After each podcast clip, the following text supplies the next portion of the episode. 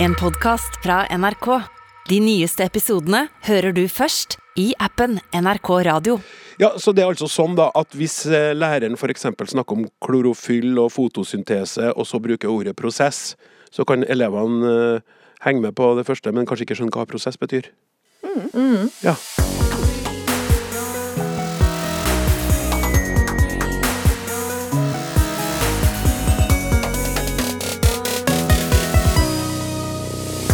I løpet av barneskolen brukes stadig mer komplekse fagtekster i undervisninga, samtidig som mange av elevene ikke kjenner det akademiske språket. Da hjelper det lite at lærerne ofte er usikre på hva de skal gjøre for å hjelpe. Varmt velkommen til et fullstappa program, hvor vi altså skal se på utfordringer lærere i barneskolen møter når de presenterer akademiske tekster for sine unge elever. Vi reiser jorda rundt på minst 80 ord med Helene Uri, og vi ønsker Høyres Tone Wilhelmsen Trøen velkommen som gjest i Ut med språket. For få dager siden så ga hun stortingspresidentens historiske klubbe videre til Eva Kristin Hansen fra Arbeiderpartiet. Og om du nå hisser deg opp og sier 'hæ, blir det ikke lytterspørsmål', da banker jeg i bordet og roper 'Åda! Åda!' For vi har fått en e-post fra en lytter som syntes det klang surt da hun leste følgende setning i Aftenposten. Et stykke unna klinget det i bjeller. Du hører på Språksnakk, jeg heter Klaus Sonstad. La oss komme i gang. Se for deg at du er lærer i en femteklasse på barneskolen, og det er time i, la oss eh, si, samfunnsfag. Teksten elevene skal lese har mange fagbegreper som demokrati, stemmerett, stortingsvalg, men også en del andre ord som elevene syns er vanskelig, som innflytelse, omtrent, ytterligere. Dessuten er teksten satt sammen på en måte som gjør at den er mye mer komplisert enn de tekstene elevene leste i fjor, i fjerde klasse. Hva gjør du da, som lærer? Forenkler du teksten for at elevene skal skjønne temaet, eller bruker du all verdens tid på å forklare hvert eneste gåtefulle ord som dukker opp? Hege Ragnes, du har nylig forsvart doktoravhandlinga di ved Lesesenteret ved Universitetet i Stavanger, og tittelen på den avhandlinga er Vi vet at vi skal jobbe med begrep, men ikke så mye annet. Der har du dybdeintervjua 15 lærere på mellomtrinnet i barneskolen om hvordan de underviser i akademisk språk, og akademisk språk i barneskolen, hva er egentlig det? Ja. eh, akademisk språk det er jo tradisjonelt så er det forstått som vokabular. Og særlig da eh, dette med fagspesifikk vokabular, eh, f.eks. fotosyntese. Eh, men etter hvert så har han på en måte òg fått oppmerksomheten mot at nettopp sånne ord som du nevnte, altså fagovergripende vokabular, og kan være noe som er utfordrende for mange elever. Og en ekstra utfordring er jo nettopp det at det tas for gitt at elevene kan disse ordene, mm. og dermed så bruker ikke lærerne tid kanskje på å forklare dem. Mens de derimot bruker ganske mye tid på å forklare mer fagbegrepet. Eh, og lærerne f.eks. i min studie, de forklarte jo eh, De var veldig opptatt av å forklare fagspesifikt eh, vokabular, som fotosyntese f.eks. Eh, men eh, Og de var òg observante på at det var en del elever som strevde med det som jeg da beskriver som fagovergripende vokabular. Men de så ikke på det på en måte eh, som en del av hva skal du kalle det, skolespråket.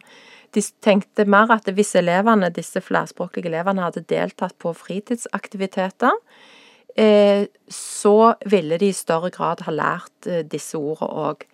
Men, okay. men, det som er at disse ordene blir eh, som prosess eller redusere sjelden blir brukt av barn i fritidsaktiviteter. Ja, og Når du snakker om flerspråklighet her, hva tenker vi på da? Ja, altså jeg har jo eh, i, i, avhandlingen min så har jeg en sånn særlig oppmerksomhet mot eh, undervisning for flerspråklige elever i ordinær eh, undervisning. Og da tenker jeg eh, Altså det er jo veldig heterogene grupper. Men jeg har liksom avgrensa det til eh, elever som har et annet morsmål enn norsk og samisk. Og eh, jeg tenker òg på det, det, som blir omtalt som den langvarige andrespråksopplæringen. For mange av disse elevene kan være født i Norge, eller de kan komme tidlig til Norge. eh, og har gjerne vært eksponert for norsk størstedelen av livet. Eh, men likevel så viser f.eks. en nylig doktorgradsavhandling at de har svakere norskferdigheter enn øvrige elever. Mm. Og de kan samtidig så, så behersker gjerne disse elevene hverdagsspråket, sånn at det blir ikke oppdaget at de kanskje trenger å videreutvikle eh, språket sitt. Nei. Men det som òg er viktig å understreke, det er jo at det er mange norske elever som òg trenger å videreutvikle eh, språket sitt til å inn og være det akademiske språket. Ja, men, men det du sa, altså eh, femte klasse, eller fra, fra, mhm. fjerde til femte, så skjer det et sånt markant hopp? Ja, det blir gjerne omtalt som fjerdeklasseknekken. Det betyr at det, tekstene i økende grad eh, Altså at elever som gjerne er på første til fjerde trinn, eh, ikke ser ut som de har noen utfordringer i møte med tekster, eller iallfall mindre. Eh, fordi at tekstene kanskje er litt enklere, og det er gjerne mer fokus på avkoding. Mens når en kommer opp på mellomtrinnet, så blir tekstene mer komplekse, mer karakterisert av et akademisk språk. Og dermed så vil gjerne forståelsesvansker komme til syne. Og flere sånne fagoverskridende ord, hva det du kalte det? Fagovergripende. Overgripende, ja. ja. Eller generelle akademiske ord er òg en annen Ord på tvers? Egnelse. Ord på tvers kan en òg bruke. ja. ja. Men hva var det lærerne du intervjua fortalte deg, da? Det, det, var sikkert ganske mye, men, men sånn hvis du tar de viktigste ja. tingene. Eh, den ene eh, De fortalte meg f.eks. For at de var veldig eh, Ja, litt av egentlig det som jeg sa, med at de var veldig observante på fagbegrepet. Mm. Ehm, og at de òg hadde egentlig oppmerksomhet mot det fagovergripende språket, eller orda. Eh, men at de forventa på en måte i større grad at de skulle bli lært på fritidsaktiviteter eller eh, i hjemmet. Eh, men de, det som òg var interessant, var at de fornemma utfordringer utover vokabular, f.eks. på tekstnivå. Eh, de pekte på at eh, mange elever eh, kunne ha utfordringer med å få sammenheng i teksten. Og det handler jo ja, det handler jo gjerne om å forstå f.eks. For bindeord som er brukt, eller eh, det å kunne koble informasjon fra ulike steder da, i teksten. Men eh, samtidig så observerte jeg jo òg lærerne sin undervisning. Eh, det kom ikke til uttrykk i undervisningen. Eh, og det kan jo, En forklaring på det kan jo være at eh, lærerne gjerne ikke hadde redskapet til hvordan de skulle eh, møte den utfordringen. Um, kan være en forklaring. Ja, så de, de sto litt fast sjøl mm, ja. når det gjaldt det å hjelpe dem som trengte hjelp? Ja. ja. Eh, jeg tror det. Og så kan jo eh, Ja. Mm. Eh, Synnøve Matre, du er språk- og tekstforsker ved Institutt for lærerutdanning ved NTNU, og har jobba mye med tekster og skriving i skolen. Hva kjenner du igjen av det ja, Hege forteller, og det lærerne eh, i avhandlinga til Hege forteller? Jeg syns det er veldig gjenkjennelig. Jeg syns det er veldig interessant. Um, og klart, eh, her er det jo flerspråklige elever som primært er blitt Eh, en snakker om i den avhandlinga hennes. Men jeg tenker det gjelder jo. Det gjelder jo eh, norskspråklige, de som har norsk som sitt første språk òg, absolutt. Mm. Mm. Um, og jeg syns jo det er um, interessant, uh, dette du sier med at de må jeg kjenner på at de må videreutvikle språket sitt.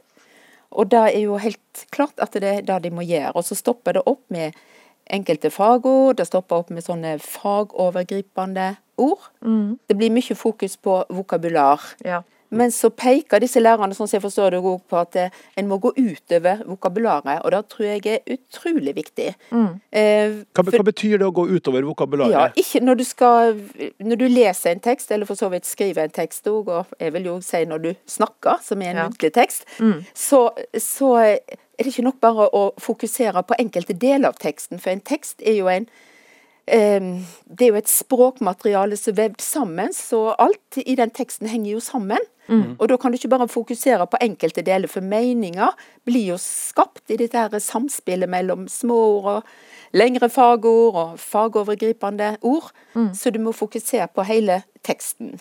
Og da tenker jeg at uh, det er jo veldig viktig at uh, ungene får jobbe med å bruke språket i meningsfulle sammenhenger. Ja.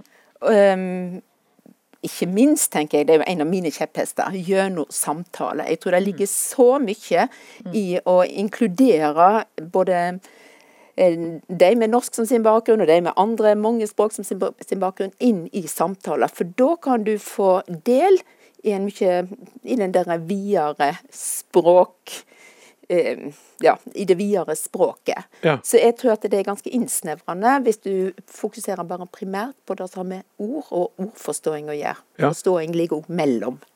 Du virker som om du er ganske enig, Hegge? Ja, eh, absolutt. Eh, jeg, eh, nettopp det med at når det bare blir Altså vokabular er jo eh, Det er jo veldig viktig eh, for leseforståelsen. Men når det på en måte bare blir begrensa til vokabular, så kan det jo bli en veldig sånn fragmentarisk forståelse av teksten, sånn som du Synnøve var inne på. Eh, men jeg tror at det er Lærerne opplever sikkert at det er det verktøyet de på en måte har for å gjøre teksten forståelige eh, for elevene.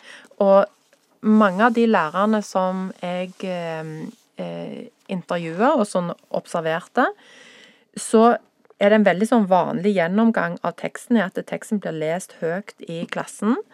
Eh, og at en stopper opp med ord som er vanskelige, eller potensielt vanskelige, og at en forklarer det for elevene før en går videre. Eh, og jeg tenker at eh, det var mer på en måte ord ble forklart mer på en måte for oss å kunne gi elevene en mer sånn tematisk forståelse, mer enn egentlig at en kanskje hadde fokus på utvikling av eh, språk og leseferdigheter. Ja, for det, det er ikke den timen? Det er ikke, no, det er ikke norsktime, liksom? Eller det, det, du, skal, du, skal, videre med det faglige, du har fokus på det, da? Mm. De, ja. mm. Så det var ikke noen samtaler der? Jo, var det, ja? ja, det var det. Ja. Eh, for det var det, det som Eh, de snakket egentlig ganske mye om, eh, om teksten.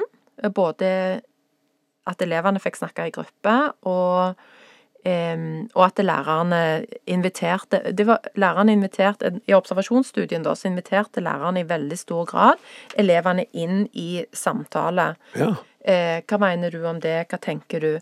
Men det som det var mindre av, det var oppfylling av elevene sine ytringer. Sånn at eh, de fikk på en måte ikke støtte kanskje til å gjøre tenkningen sin eksplisitt. Ja. ja hvorfor, Synnøve, hvorfor er det viktig at, eh, at, de får støtte til å gjøre, gjøre det her eksplisitt?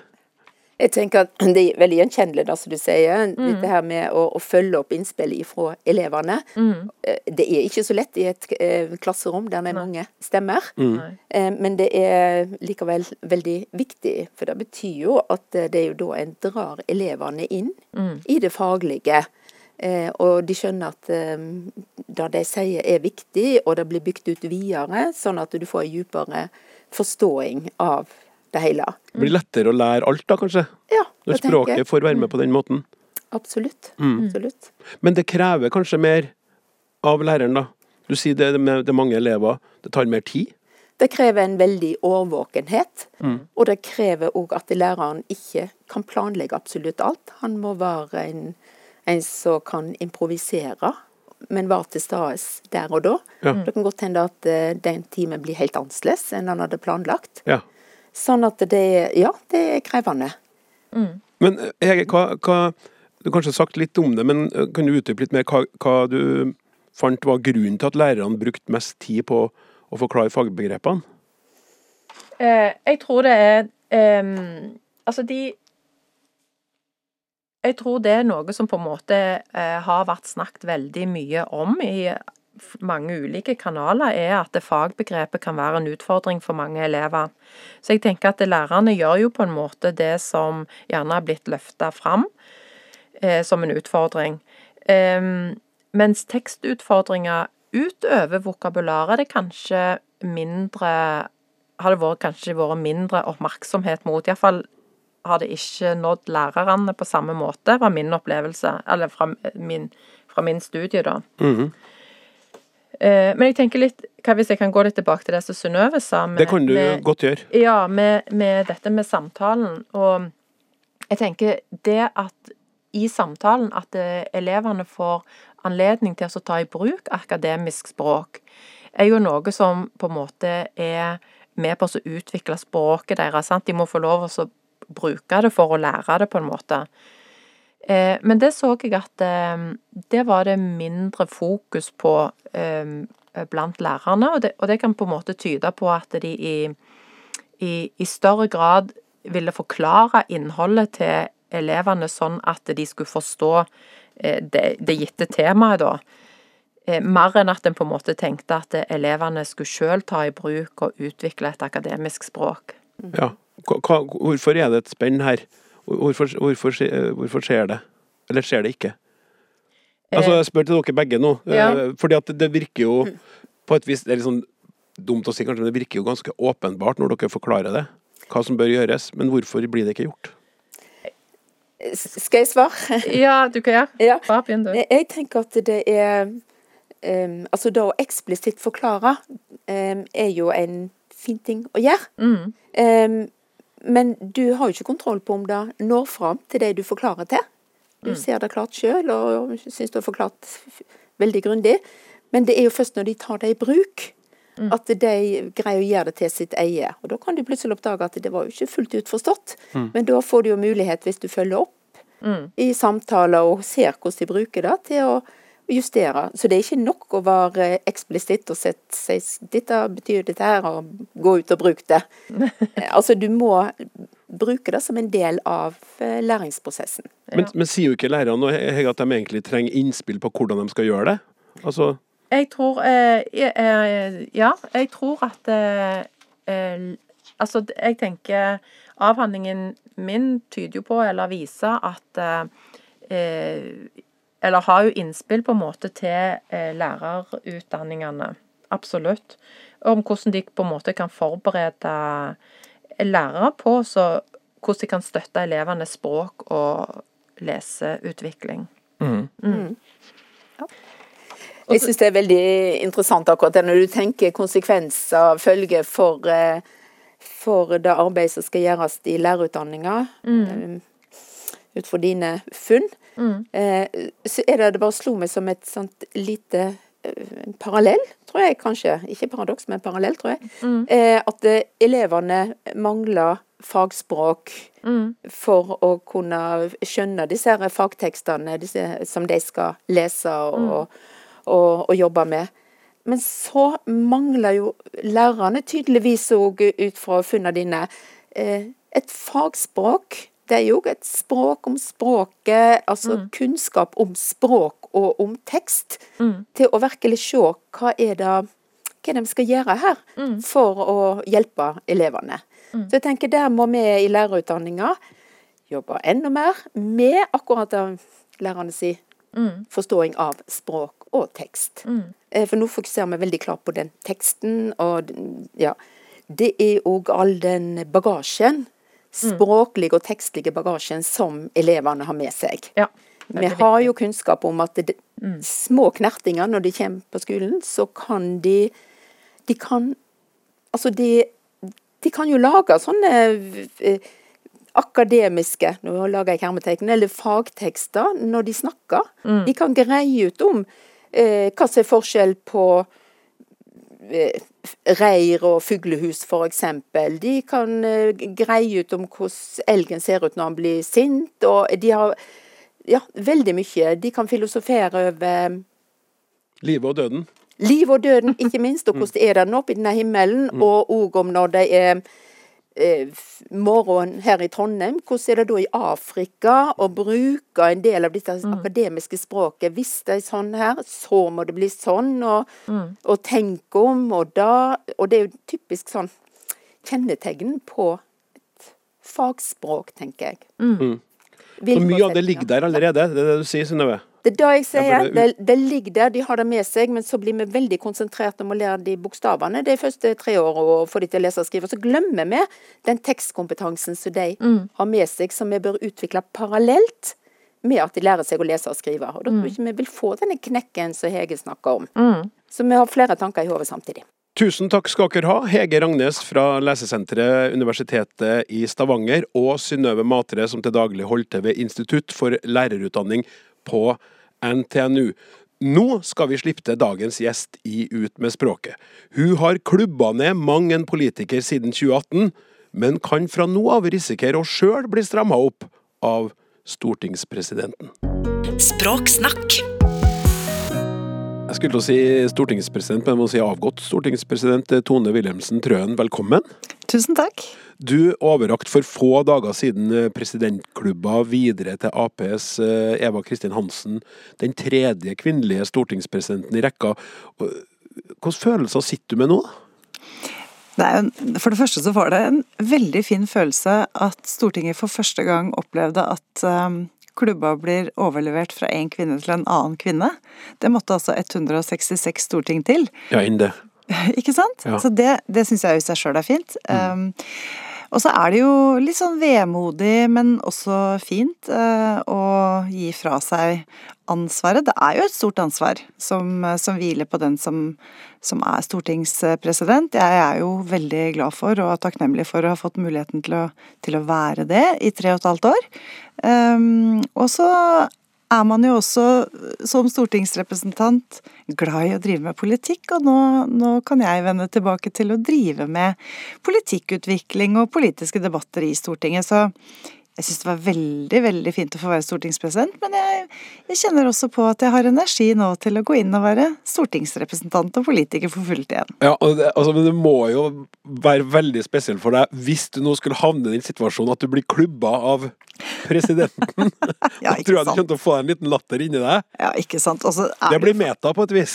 Ja, og så er det jo faktisk sånn at vi som da har ledet og leder disse møtene, da, som president eller som visepresidentene leder jo også møtene, Ja. vi er kanskje ekstra strenge også med de som vi tenker burde vite bedre, ikke sant. Og det, jeg veit jo det nå, at Eva Kristin kommer til å være streng med meg, altså. Ja, men du, fortell, fortell oss litt om, eh, sånn kort om hvordan det her fungerer. Altså, det er noe vi egentlig skal vite om alle sammen. Så har vi jo hørt om stortingspresidenten, vi har sett hvordan det fungerer. Men kan ikke bare si, si kort hva, det, hva stortingspresidentens funksjon er, og, og visepresidentene rundt og Ja. Ja, Stortingspresidenten er valgt av de andre stortingsrepresentantene sammen med da presidentskapet. Det er fem visepresidenter pluss stortingspresidenten som utgjør presidentskapet. Og vi skal lede Stortingets, eh, Stortingets arbeid. Altså vi har det øverste ansvaret for å planlegge og organisere den praktiske gjennomføringen av alt som skjer på, på Stortinget. Og så har vi jo Og kanskje særlig stortingspresidenten et, eh, en stor oppgave i å fremme kunnskap om, om Stortingets rolle i vårt demokrati. Og, og derfor brukte jo jeg som stortingspresident veldig mye tid ute blant barn og unge. Besøkte mange skoler og skoleklasser og snakka med ungdomsråd og ja, og rett og slett eh, for å, for å sikre at de, eh, at de får lyst til å engasjere seg i samfunnsdebatten. Ikke nødvendigvis å bli politiker, altså, men, men føle et engasjement. Det er jo engasjerte mennesker som forandrer verden, og det å få de unge til å få lyst til det, det var viktig for meg. Også, Så, så du, så du reiser, altså man reiser som stortingspresident, så reiser man masse rundt og møter, møter folket? Ja, altså, jeg vil jo si at Hovedoppgaven for stortingspresidenten og presidentskapet er jo å være til stede i Stortinget. Viktigste oppgaven er å lede møter og lede arbeid og legge til rette for at alle som er valgt inn på Stortinget kan få gjort jobben sin på vegne av de velgerne som har, som har stemt dem inn da, og gitt dem tillit. Men så er det jo et rom i tillegg for å, for å gjøre andre ting som, som kommer på en måte naturlig av rollen. Men, men det å jobbe med, med demokratibygging, det er både både i Norge, men også internasjonalt. Eh, jobbe med det som er viktige spørsmål for Norge ut der du møter kollegaer fra andre land, er også en fin del av rollen, og en viktig del av, av rollen. Og så er det jo sånn at hver stortingspresident preger jo det på sin måte. Ja. Så man velger jo litt hva man ønsker å legge i de forskjellige delene av rollen, da. Ja, for eh, nå må vi inn på den rollen i, som er i salen, da. Det syns jeg er veldig spennende. Mm. eh, og det, på, det, det første jeg lurer på er, finnes det et, et, et slags dokument eller regelbok for stortingspresidentens rolle? Altså, eh, hva skal hun slå ned på, hva er det hun navigerer etter? Ja, vi har, eh, vi har Ofte når jeg er ute på skoler, så kaller jeg det klasseregler, da. For det vet alle elever hva er, ikke sant? Ja. Og vi har også det. Det heter da Stortingets forretningsorden. Og det Ja. er eh, besluttet sammen med Altså i, i Stortingets plenum, da, at alle stortingsrepresentantene beslutter som, hvordan forretningsorden skal lyde. Og der er det det vi kaller taleregler. Og det er regler for hvordan man skal opptre i stortingssalen. Og det er også faktisk regler for hva som skjer hvis man over, overtrer de reglene. Så vi har et rammeverk å gå ut ifra for å liksom eh, ha en debatt inne i stortingssalen som som følger det vi kan kalle en respektfull tone, da. Ja. For, du, for du vet, Stortinget er jo et hus fylt av uenighet, egentlig. ja, ja. Eh, Men altså, er det ikke også sånn at det er en del uskrevne regler eh, som eh, man benytter seg av, som ikke nødvendigvis er hugd i stein, men er litt sånn Jo, forandrer litt med tida? Jo, og det er kanskje litt den derre tolkningen av de skrevne reglene, ikke sant. Fordi det er klart at hva som anses som upassende, eller hva som anses å fornærme hverandre, det, det kan nok også være litt uh, Litt forskjellig hva slags oppfatning man har av det. Ja. Uh, og kanskje også litt sånn i forhold til hvilken tid man lever i. Så noen av de noen av de uttrykkene som er liksom blitt påtalt, da, som vi kaller det, som er, man har blitt egentlig klubbet på da, i Stortinget tidligere, det vil man nok ikke klubbe for i dag.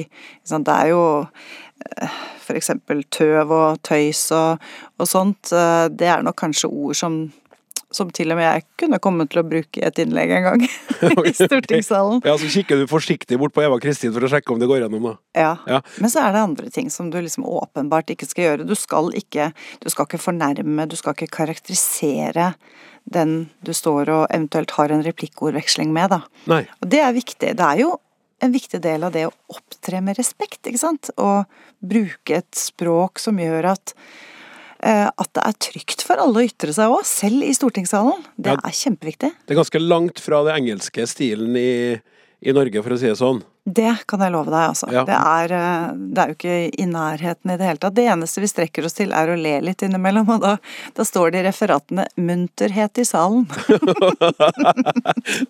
Men eh, jeg vet ikke om dere klippet vi skal spille noe vakt eh, munterhet her, men det var jo det var, det var en, eh, en ganske ja, En ting som mange husker, tror jeg, fra i fjor. Da sjølveste statsministeren gikk opp og, og henvendte seg da først til deg, og så, så snakka til salen. Og vi skal høre på det klippet her. Under trontaledebatten i Stortinget i dag brukte statsminister Erna Solberg ordet nazi i debatt om lederlønninger. Det er en ordbruk flere politikere reagerer på. Staten skal aldri være lønnsledende på denne typen jobber, og vi er ganske, eh, ganske nazi på nettopp det spørsmålet overfor statsråder og andre. Ja, eh, Nina Oving der først i Dagsrevyen, og som satt eh, over til klippet med statsministeren, som da brukte et uttrykk som ja, veldig mange skjønner, og skjønner jo hva mener, men det, det var ikke helt innafor. Men der og da så blir ikke klubba av stortingspresidenten, som jo er deg. Nei, eh, jeg gjorde ikke det. For det første så Det kan hende jeg var litt ubemerksom, men jeg hørte ikke helt hvordan hun sa det. Eh, Og når jeg hører det nå igjen nå, ikke sant, så snakker hun jo egentlig om seg selv, da. Hun retter det jo på en måte mot sin egen regjering. Eh, og det er klart, det har også litt sånn betydning om du sier det om andre, eller om du sier det om deg selv, men, men, eh, men jeg sa i ettertid at jeg eh, nok eh, burde ha klubba på det ordet, eller påtalt at det er et eh, ord man ikke bør bruke, og at det finnes andre ord, da. Det er Ja. det vi ofte sier. Ja, og, og jeg må si jeg husker det, for du gikk fort ut og sa det. det, det var, du tok affære raskt, og du rydda også opp i, i salen dagen etter. Skal vi høre på det her? President, Det var litt sånn spesielt språkbruk å omtale eh, bruker bruke ordet nazi om eh, lønnspolitikken til, til regjeringa. burde i går under debatten ha påtalt at eh, å bruke ordet nazi eh, nok vil eh, betegnes som et upassende ord, og ikke innenfor den parlamentariske ordbruken. og Derfor vil jeg også påtale det i dag, og mener at det ikke er Derfor vil jeg påtale det i dag og si at det ikke er et ord jeg vil si er innenfor parlamentarisk språkbruk. Rydda opp? ja, rydda ja. litt opp.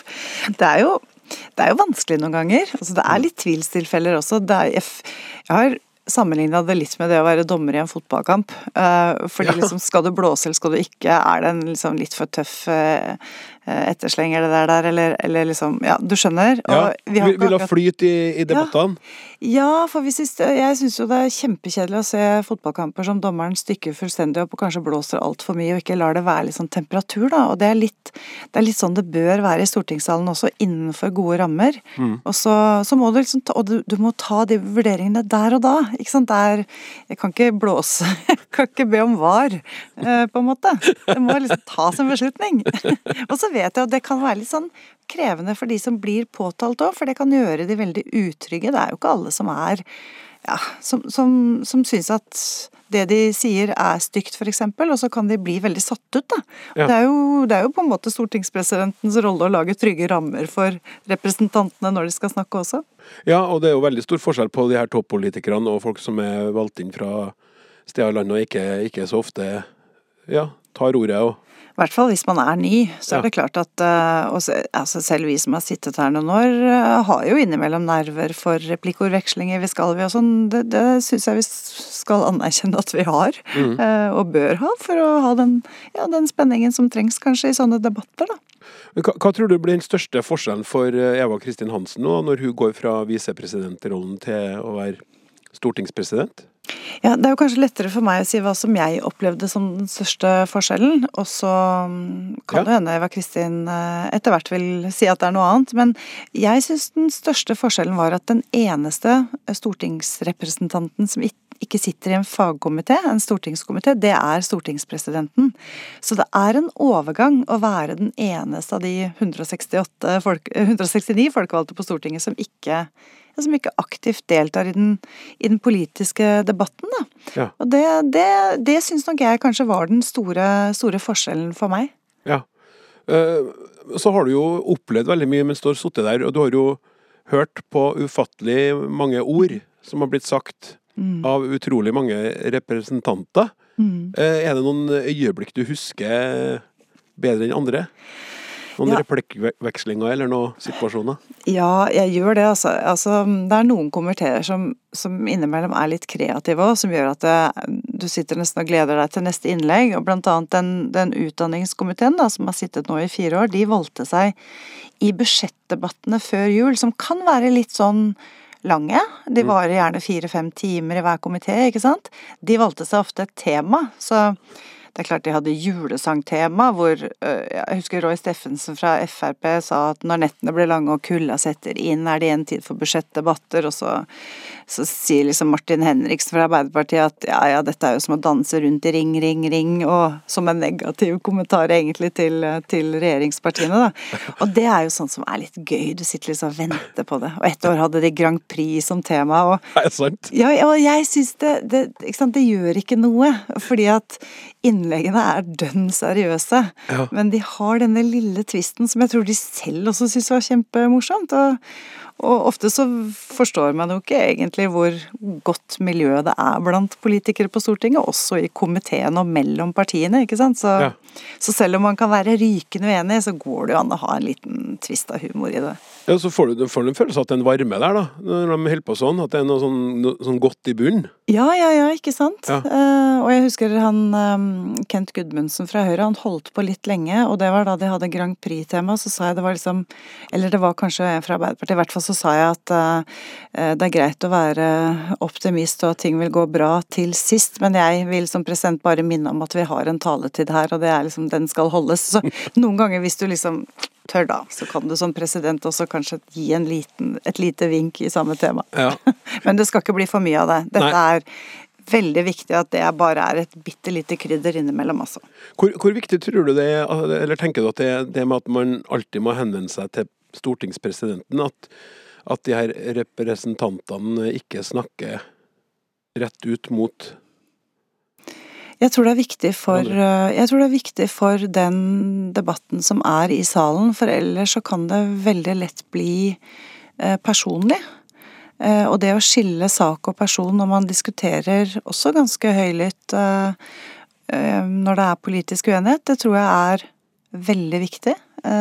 Og det blir sånn fordi representanten må henvende seg til den andre representanten gjennom presidenten. Det blir ikke sånn 'du sa' og 'jeg mener du har gjort det' og sånn, ikke sant. Det blir det blir mer pakka inn. Mm. Så selv når Henrik Asheim skulle i et replikkordskifte si, um, si, Det var et eller annet han skulle si til, til Trygve Slagsvold Vedum, så sa han president, jeg har merket meg at representanten Trygve Slagsvold Vedum feiret sin bursdag i helgen og hadde 100 gjester, og jeg merker meg også, president, at jeg ikke var blant de 100 gjestene. Og det, det er jo stortingsspråk, men det er jo litt, litt gøy òg, da. Når ja. du ser det på den måten, så forstår du hvorfor man ikke skal snakke rett til hverandre òg. Ja, så blir det jo, det blir jo nesten eh, enda artigere av at eh, man må filtrere det gjennom presidenten, da. At det blir sånn ja. ja. Og når det er sånne liksom, litt humoristiske ting, så er det jo sånn. Men kanskje særlig når det er tøffe debatter. Kanskje særlig når det er ordentlig uenighet, altså det som kan være ja, liksom på grensen til konfliktfylte temaer, da. Ja. Så er det en fin side ved det, tror jeg, at man retter talen gjennom presidenten. Og det er faktisk kanskje det vi påtaler oftest, at representantene glemmer det. Så vi sier må minne om at talen, eller ja, det du sier må rette Det representanten sier må rettes gjennom presidenten. Ja.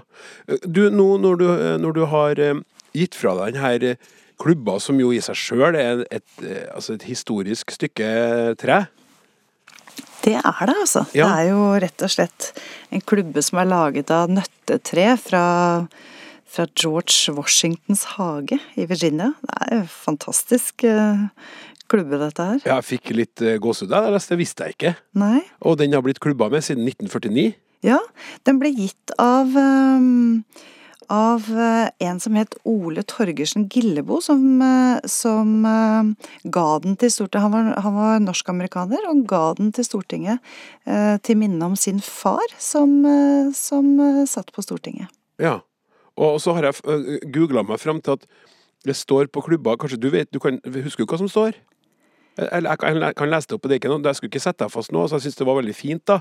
Ja til presidenten for Norges storting, Gud signe Norges land og folk. Ja, det stemmer det. Ja, det, er, det, er, flott. Det er jo utrolig å, å ha vært en av altså Selv om det er altfor få eh, kvinner mm. foreløpig, og mm. veldig mange menn, så er det jo ikke så mange nordmenn som har vært stortingspresident. Du, du er jo i ei lita rekke med folk.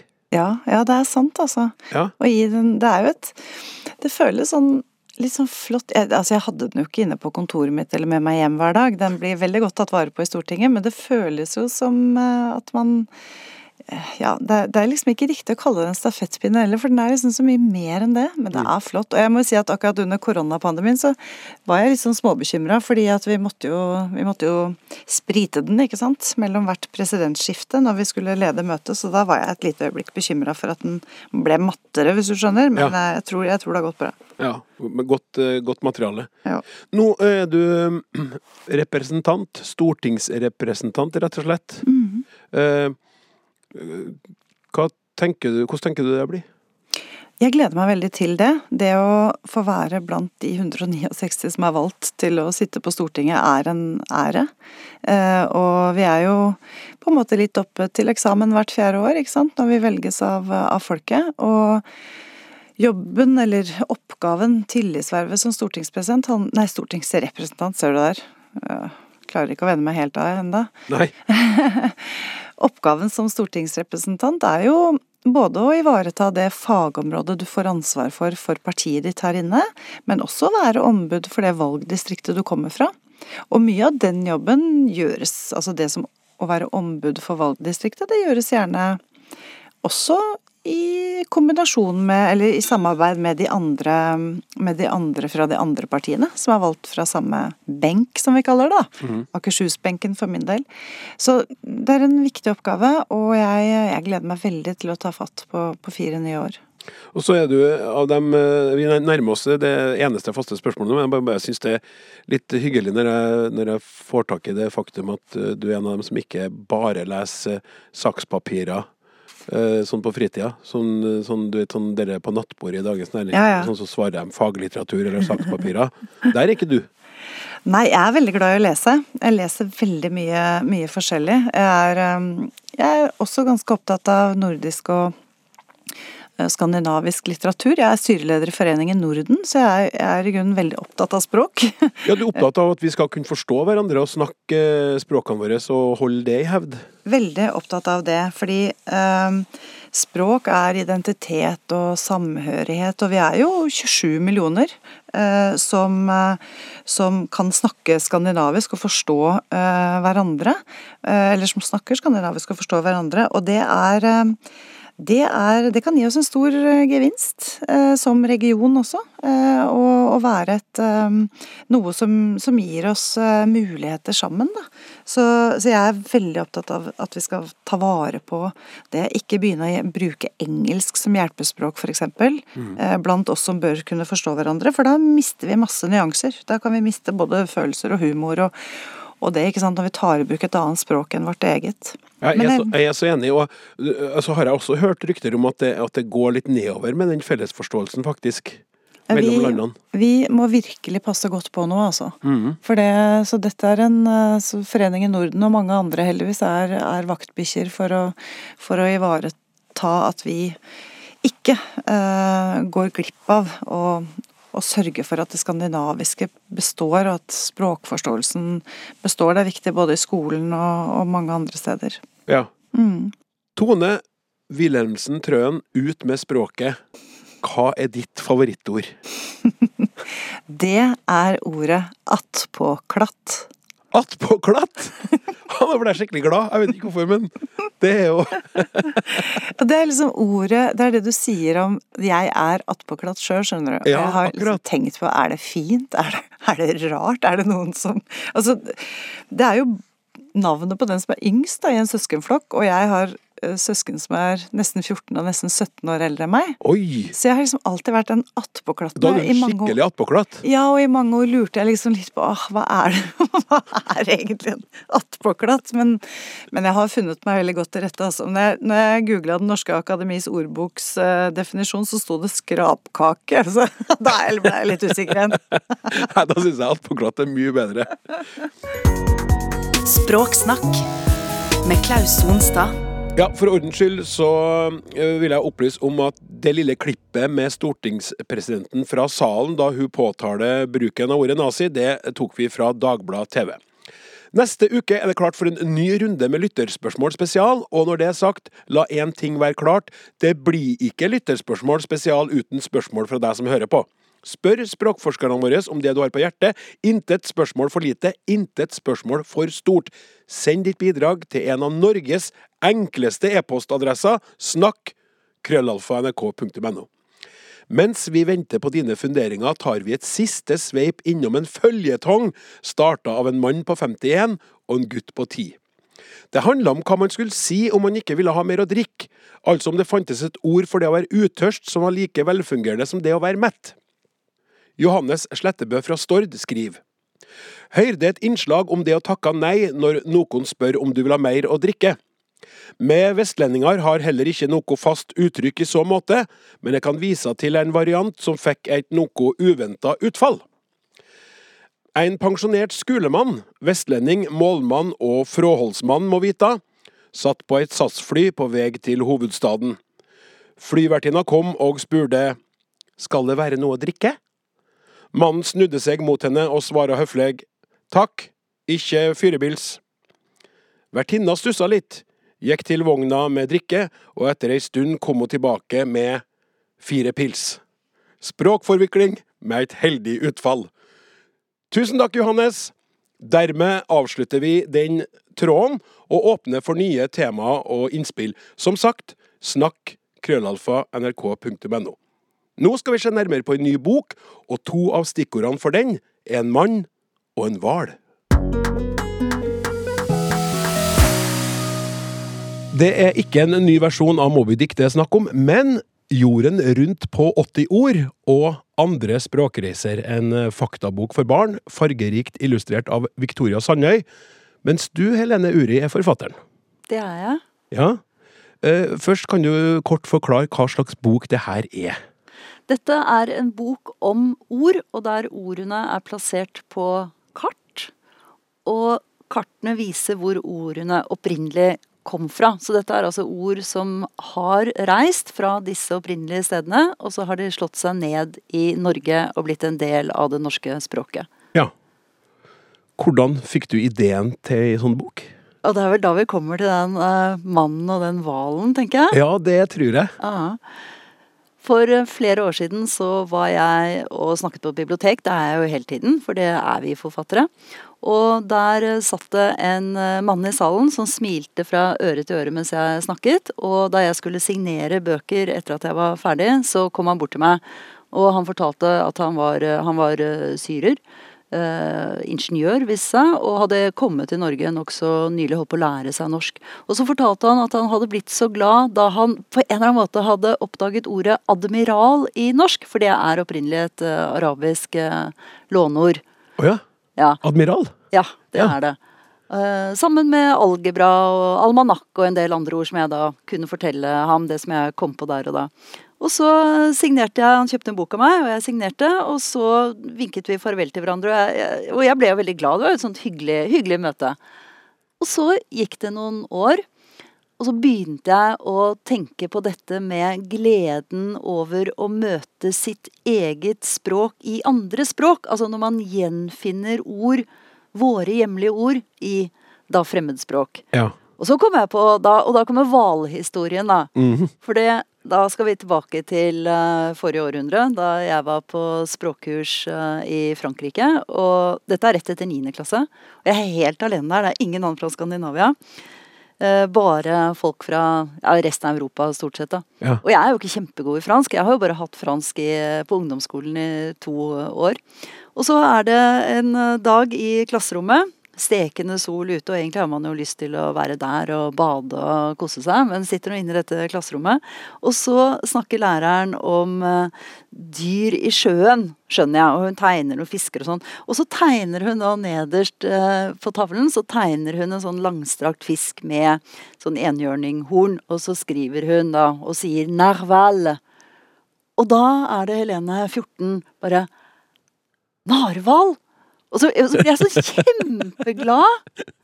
Og så går jeg opp igjen i pausen, og så slår hun opp en sånn kjempetjukk, altså ordentlig sånn svær eh, fransk ordbok, og ser sånn narval, narval, og så står det da eh, at det kommer fra eh, et nordisk språk.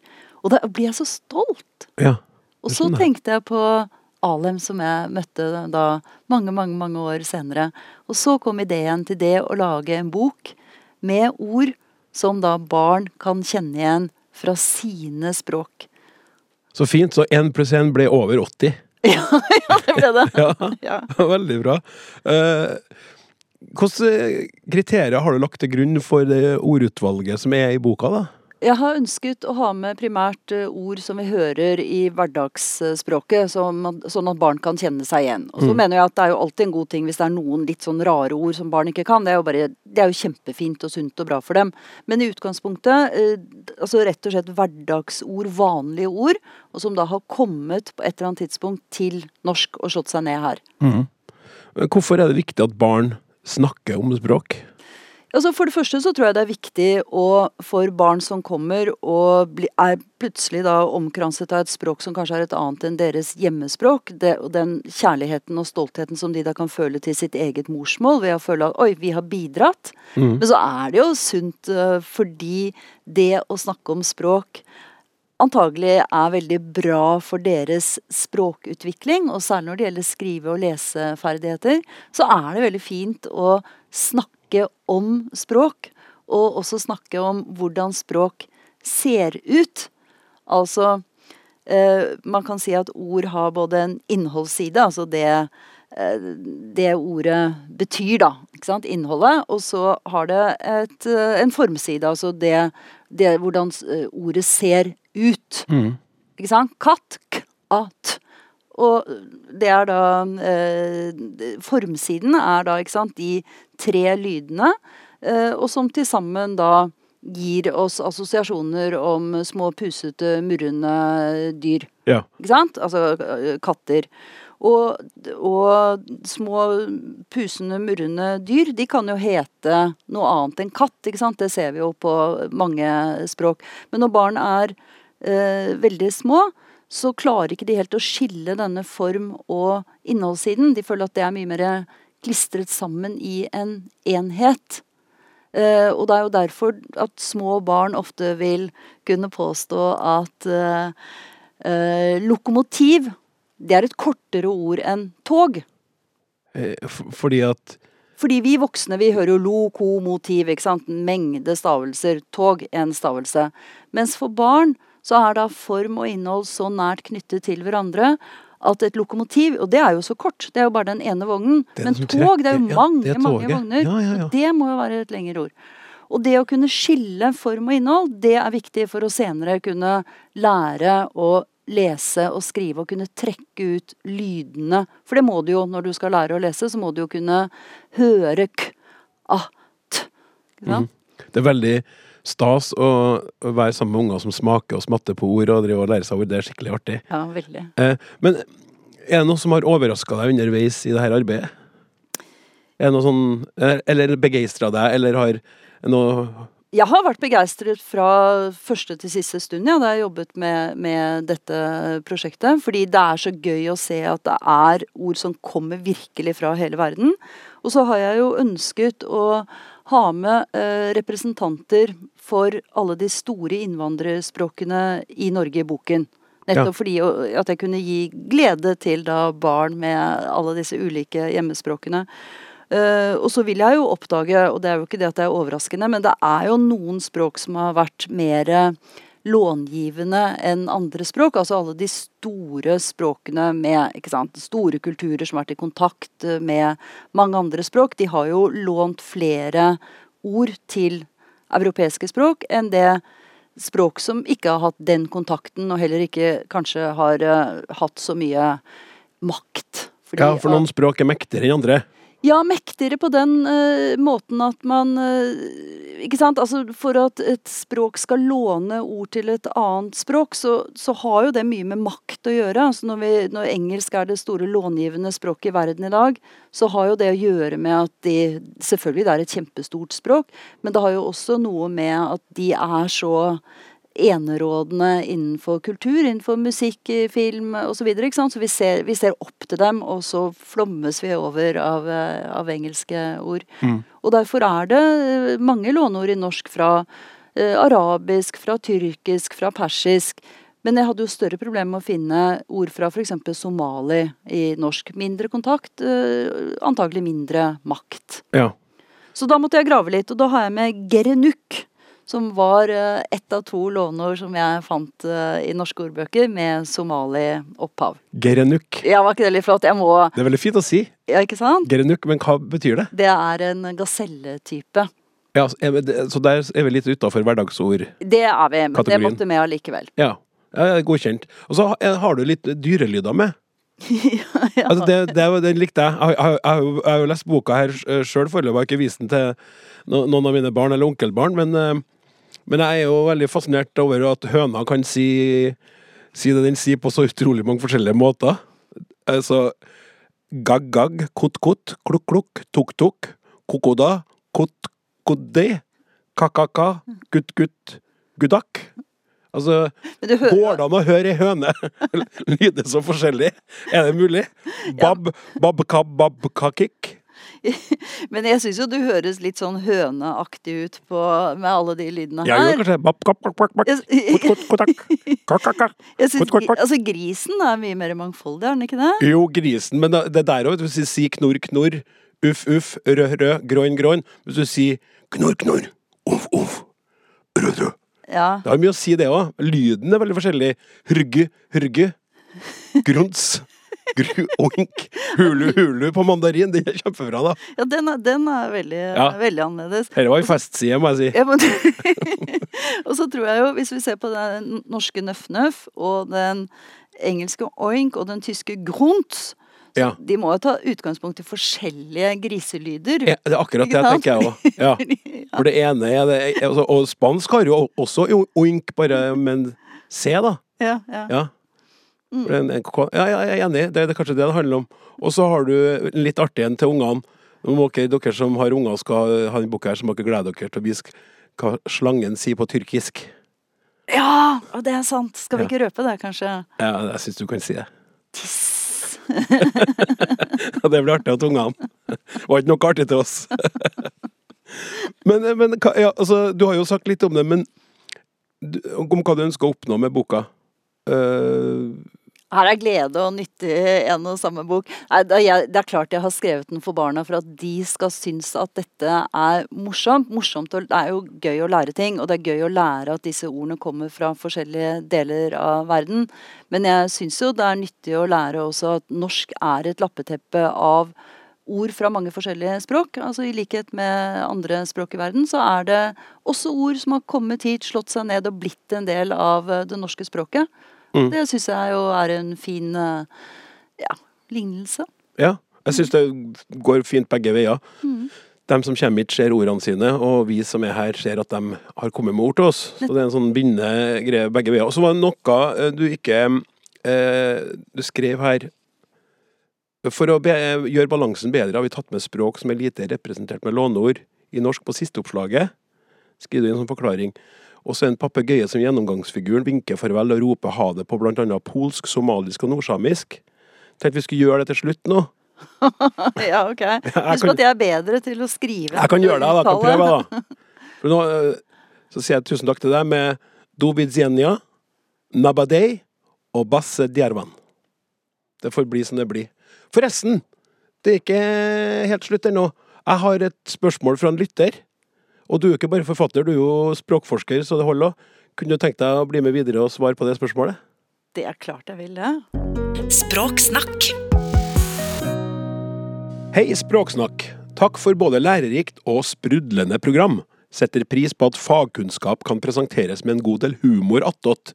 Hyggelig skrevet. Her kommer noe jeg lurer på årsaken til. Det vi kalte sterke verb, etter hvert uregelrette, ser ut til å være på vikende front. Ser at journalister skriver 'latet som' i stedet for 'lot som'. Er det en automatikk i retteprogram, eller i journalistens eget hode, som feilkobler til verbet 'å late seg'? I så fall var hen kanskje litt lat i norsktimen. Mitt eksempel nummer to sto i Aftenposten i dag, og setningen lyder som følger. Et stykke unna klinget det i bjeller. Da jeg for sikkerhets skyld sjekket i ordboka mi, fra 2008 tredje opplag 2012, sto klang oppført i preteritum. Siden perfektumformen sto med alternativ til har klingt, nemlig valgfri med valgfri e i parentes, har klinget, tenkte jeg at dette kunne være grunnen til avisas forkasting av klang til beste for klinget. Da legger jeg enormt mye godvilje til her, siden det er et lån fra perfektum. Har sett at sterk, uregelrett bøyningsform har vært droppet også når det gjelder andre verb. Vente med skrekk og gru på godde. Selv om språkvitere sier dette er naturlig språkutvikling, og at man gjør lurt i å ikke knytte følelser til sånt. Jeg har bare problemer med å forstå at journalister med språk som redskap vil bryte eksisterende rettskrivning. Mitt spørsmål gjelder hvorfor det skjer i nevnte og andre yrkesgrupper på et visst forventet rettskrivningsmessig nivå. Vennlig hilsen Else Marie Vestrum Olsson. Ja, godt spurt, godt sett. Jeg forstår eh, frustrasjon og irritasjon, jeg, altså. Mhm. Hva tenker du, Helene? Jo, jeg forstår eh, også den, og jeg kan jo godt innrømme at jeg hopper litt i stolen hver gang jeg ser latet i stedet for eh, lot. Men eh, siden jeg er språkviter, så, så vet jeg jo også at dette er en del av en naturlig eh, utvikling, og som har pågått i mange, mange hundre år. Nemlig det at eh, sterke verb bytter klasse og blir svake. Og dette har jo med frekvens å gjøre, fordi det er jo sånn både i språk og i resten av eh, livet også, kanskje, at de store og Altså de som er, de som er mange, er, så vinner de ofte over de som er få. Og vi har veldig, veldig, veldig mange svake regelmessige verb, og så har vi ganske få sterke verb. Og hvis de sterke verbene ikke brukes så ofte, så står de i fare for å skifte klasse og bli bøyd regelmessig. Eh, og det er jo det som skjer med da late lot, så bøyer vi det heller late latet. Og dette har eh, så Hvis vi går tilbake til norrønt, eh, så var det sånn at våre formødre og forfedre, vikingene, de hadde jo flere sterke verb enn oss. Altså de bøyde f.eks. Dette er kjemperart. Eh, verbet å så, altså så korn, det bøyde de da i preteritum som sera. Ikke sant? Sera. Ja, kjemperart. Og det har jo da meldt overgang og blitt sådde i moderne norsk. Ja. Og for, ja, et, enda et eksempel. Altså flå, hvis du skal flå, flå bjørnen, da. Mhm. Så sa vikingene flo. Altså de bøyde det på samme måte som slå, slo, flå, flo. Og der sier jo vi flådde. Ja, det sier vi Eh, jo. og- Ja, Ja. det gjør vi jo. Ja, det gjør det. Jeg, Ja. sier, jeg har aldri Jeg har verken flådd eller flo, flo en bjørn. Men- Nei. Eh, og, og hun var jo redd for eh, dette med slådde. Og, det, og da ville jo den gått over Ja, til godde. Godde, ja. Godde og slådde. Ja. Ja, riktig.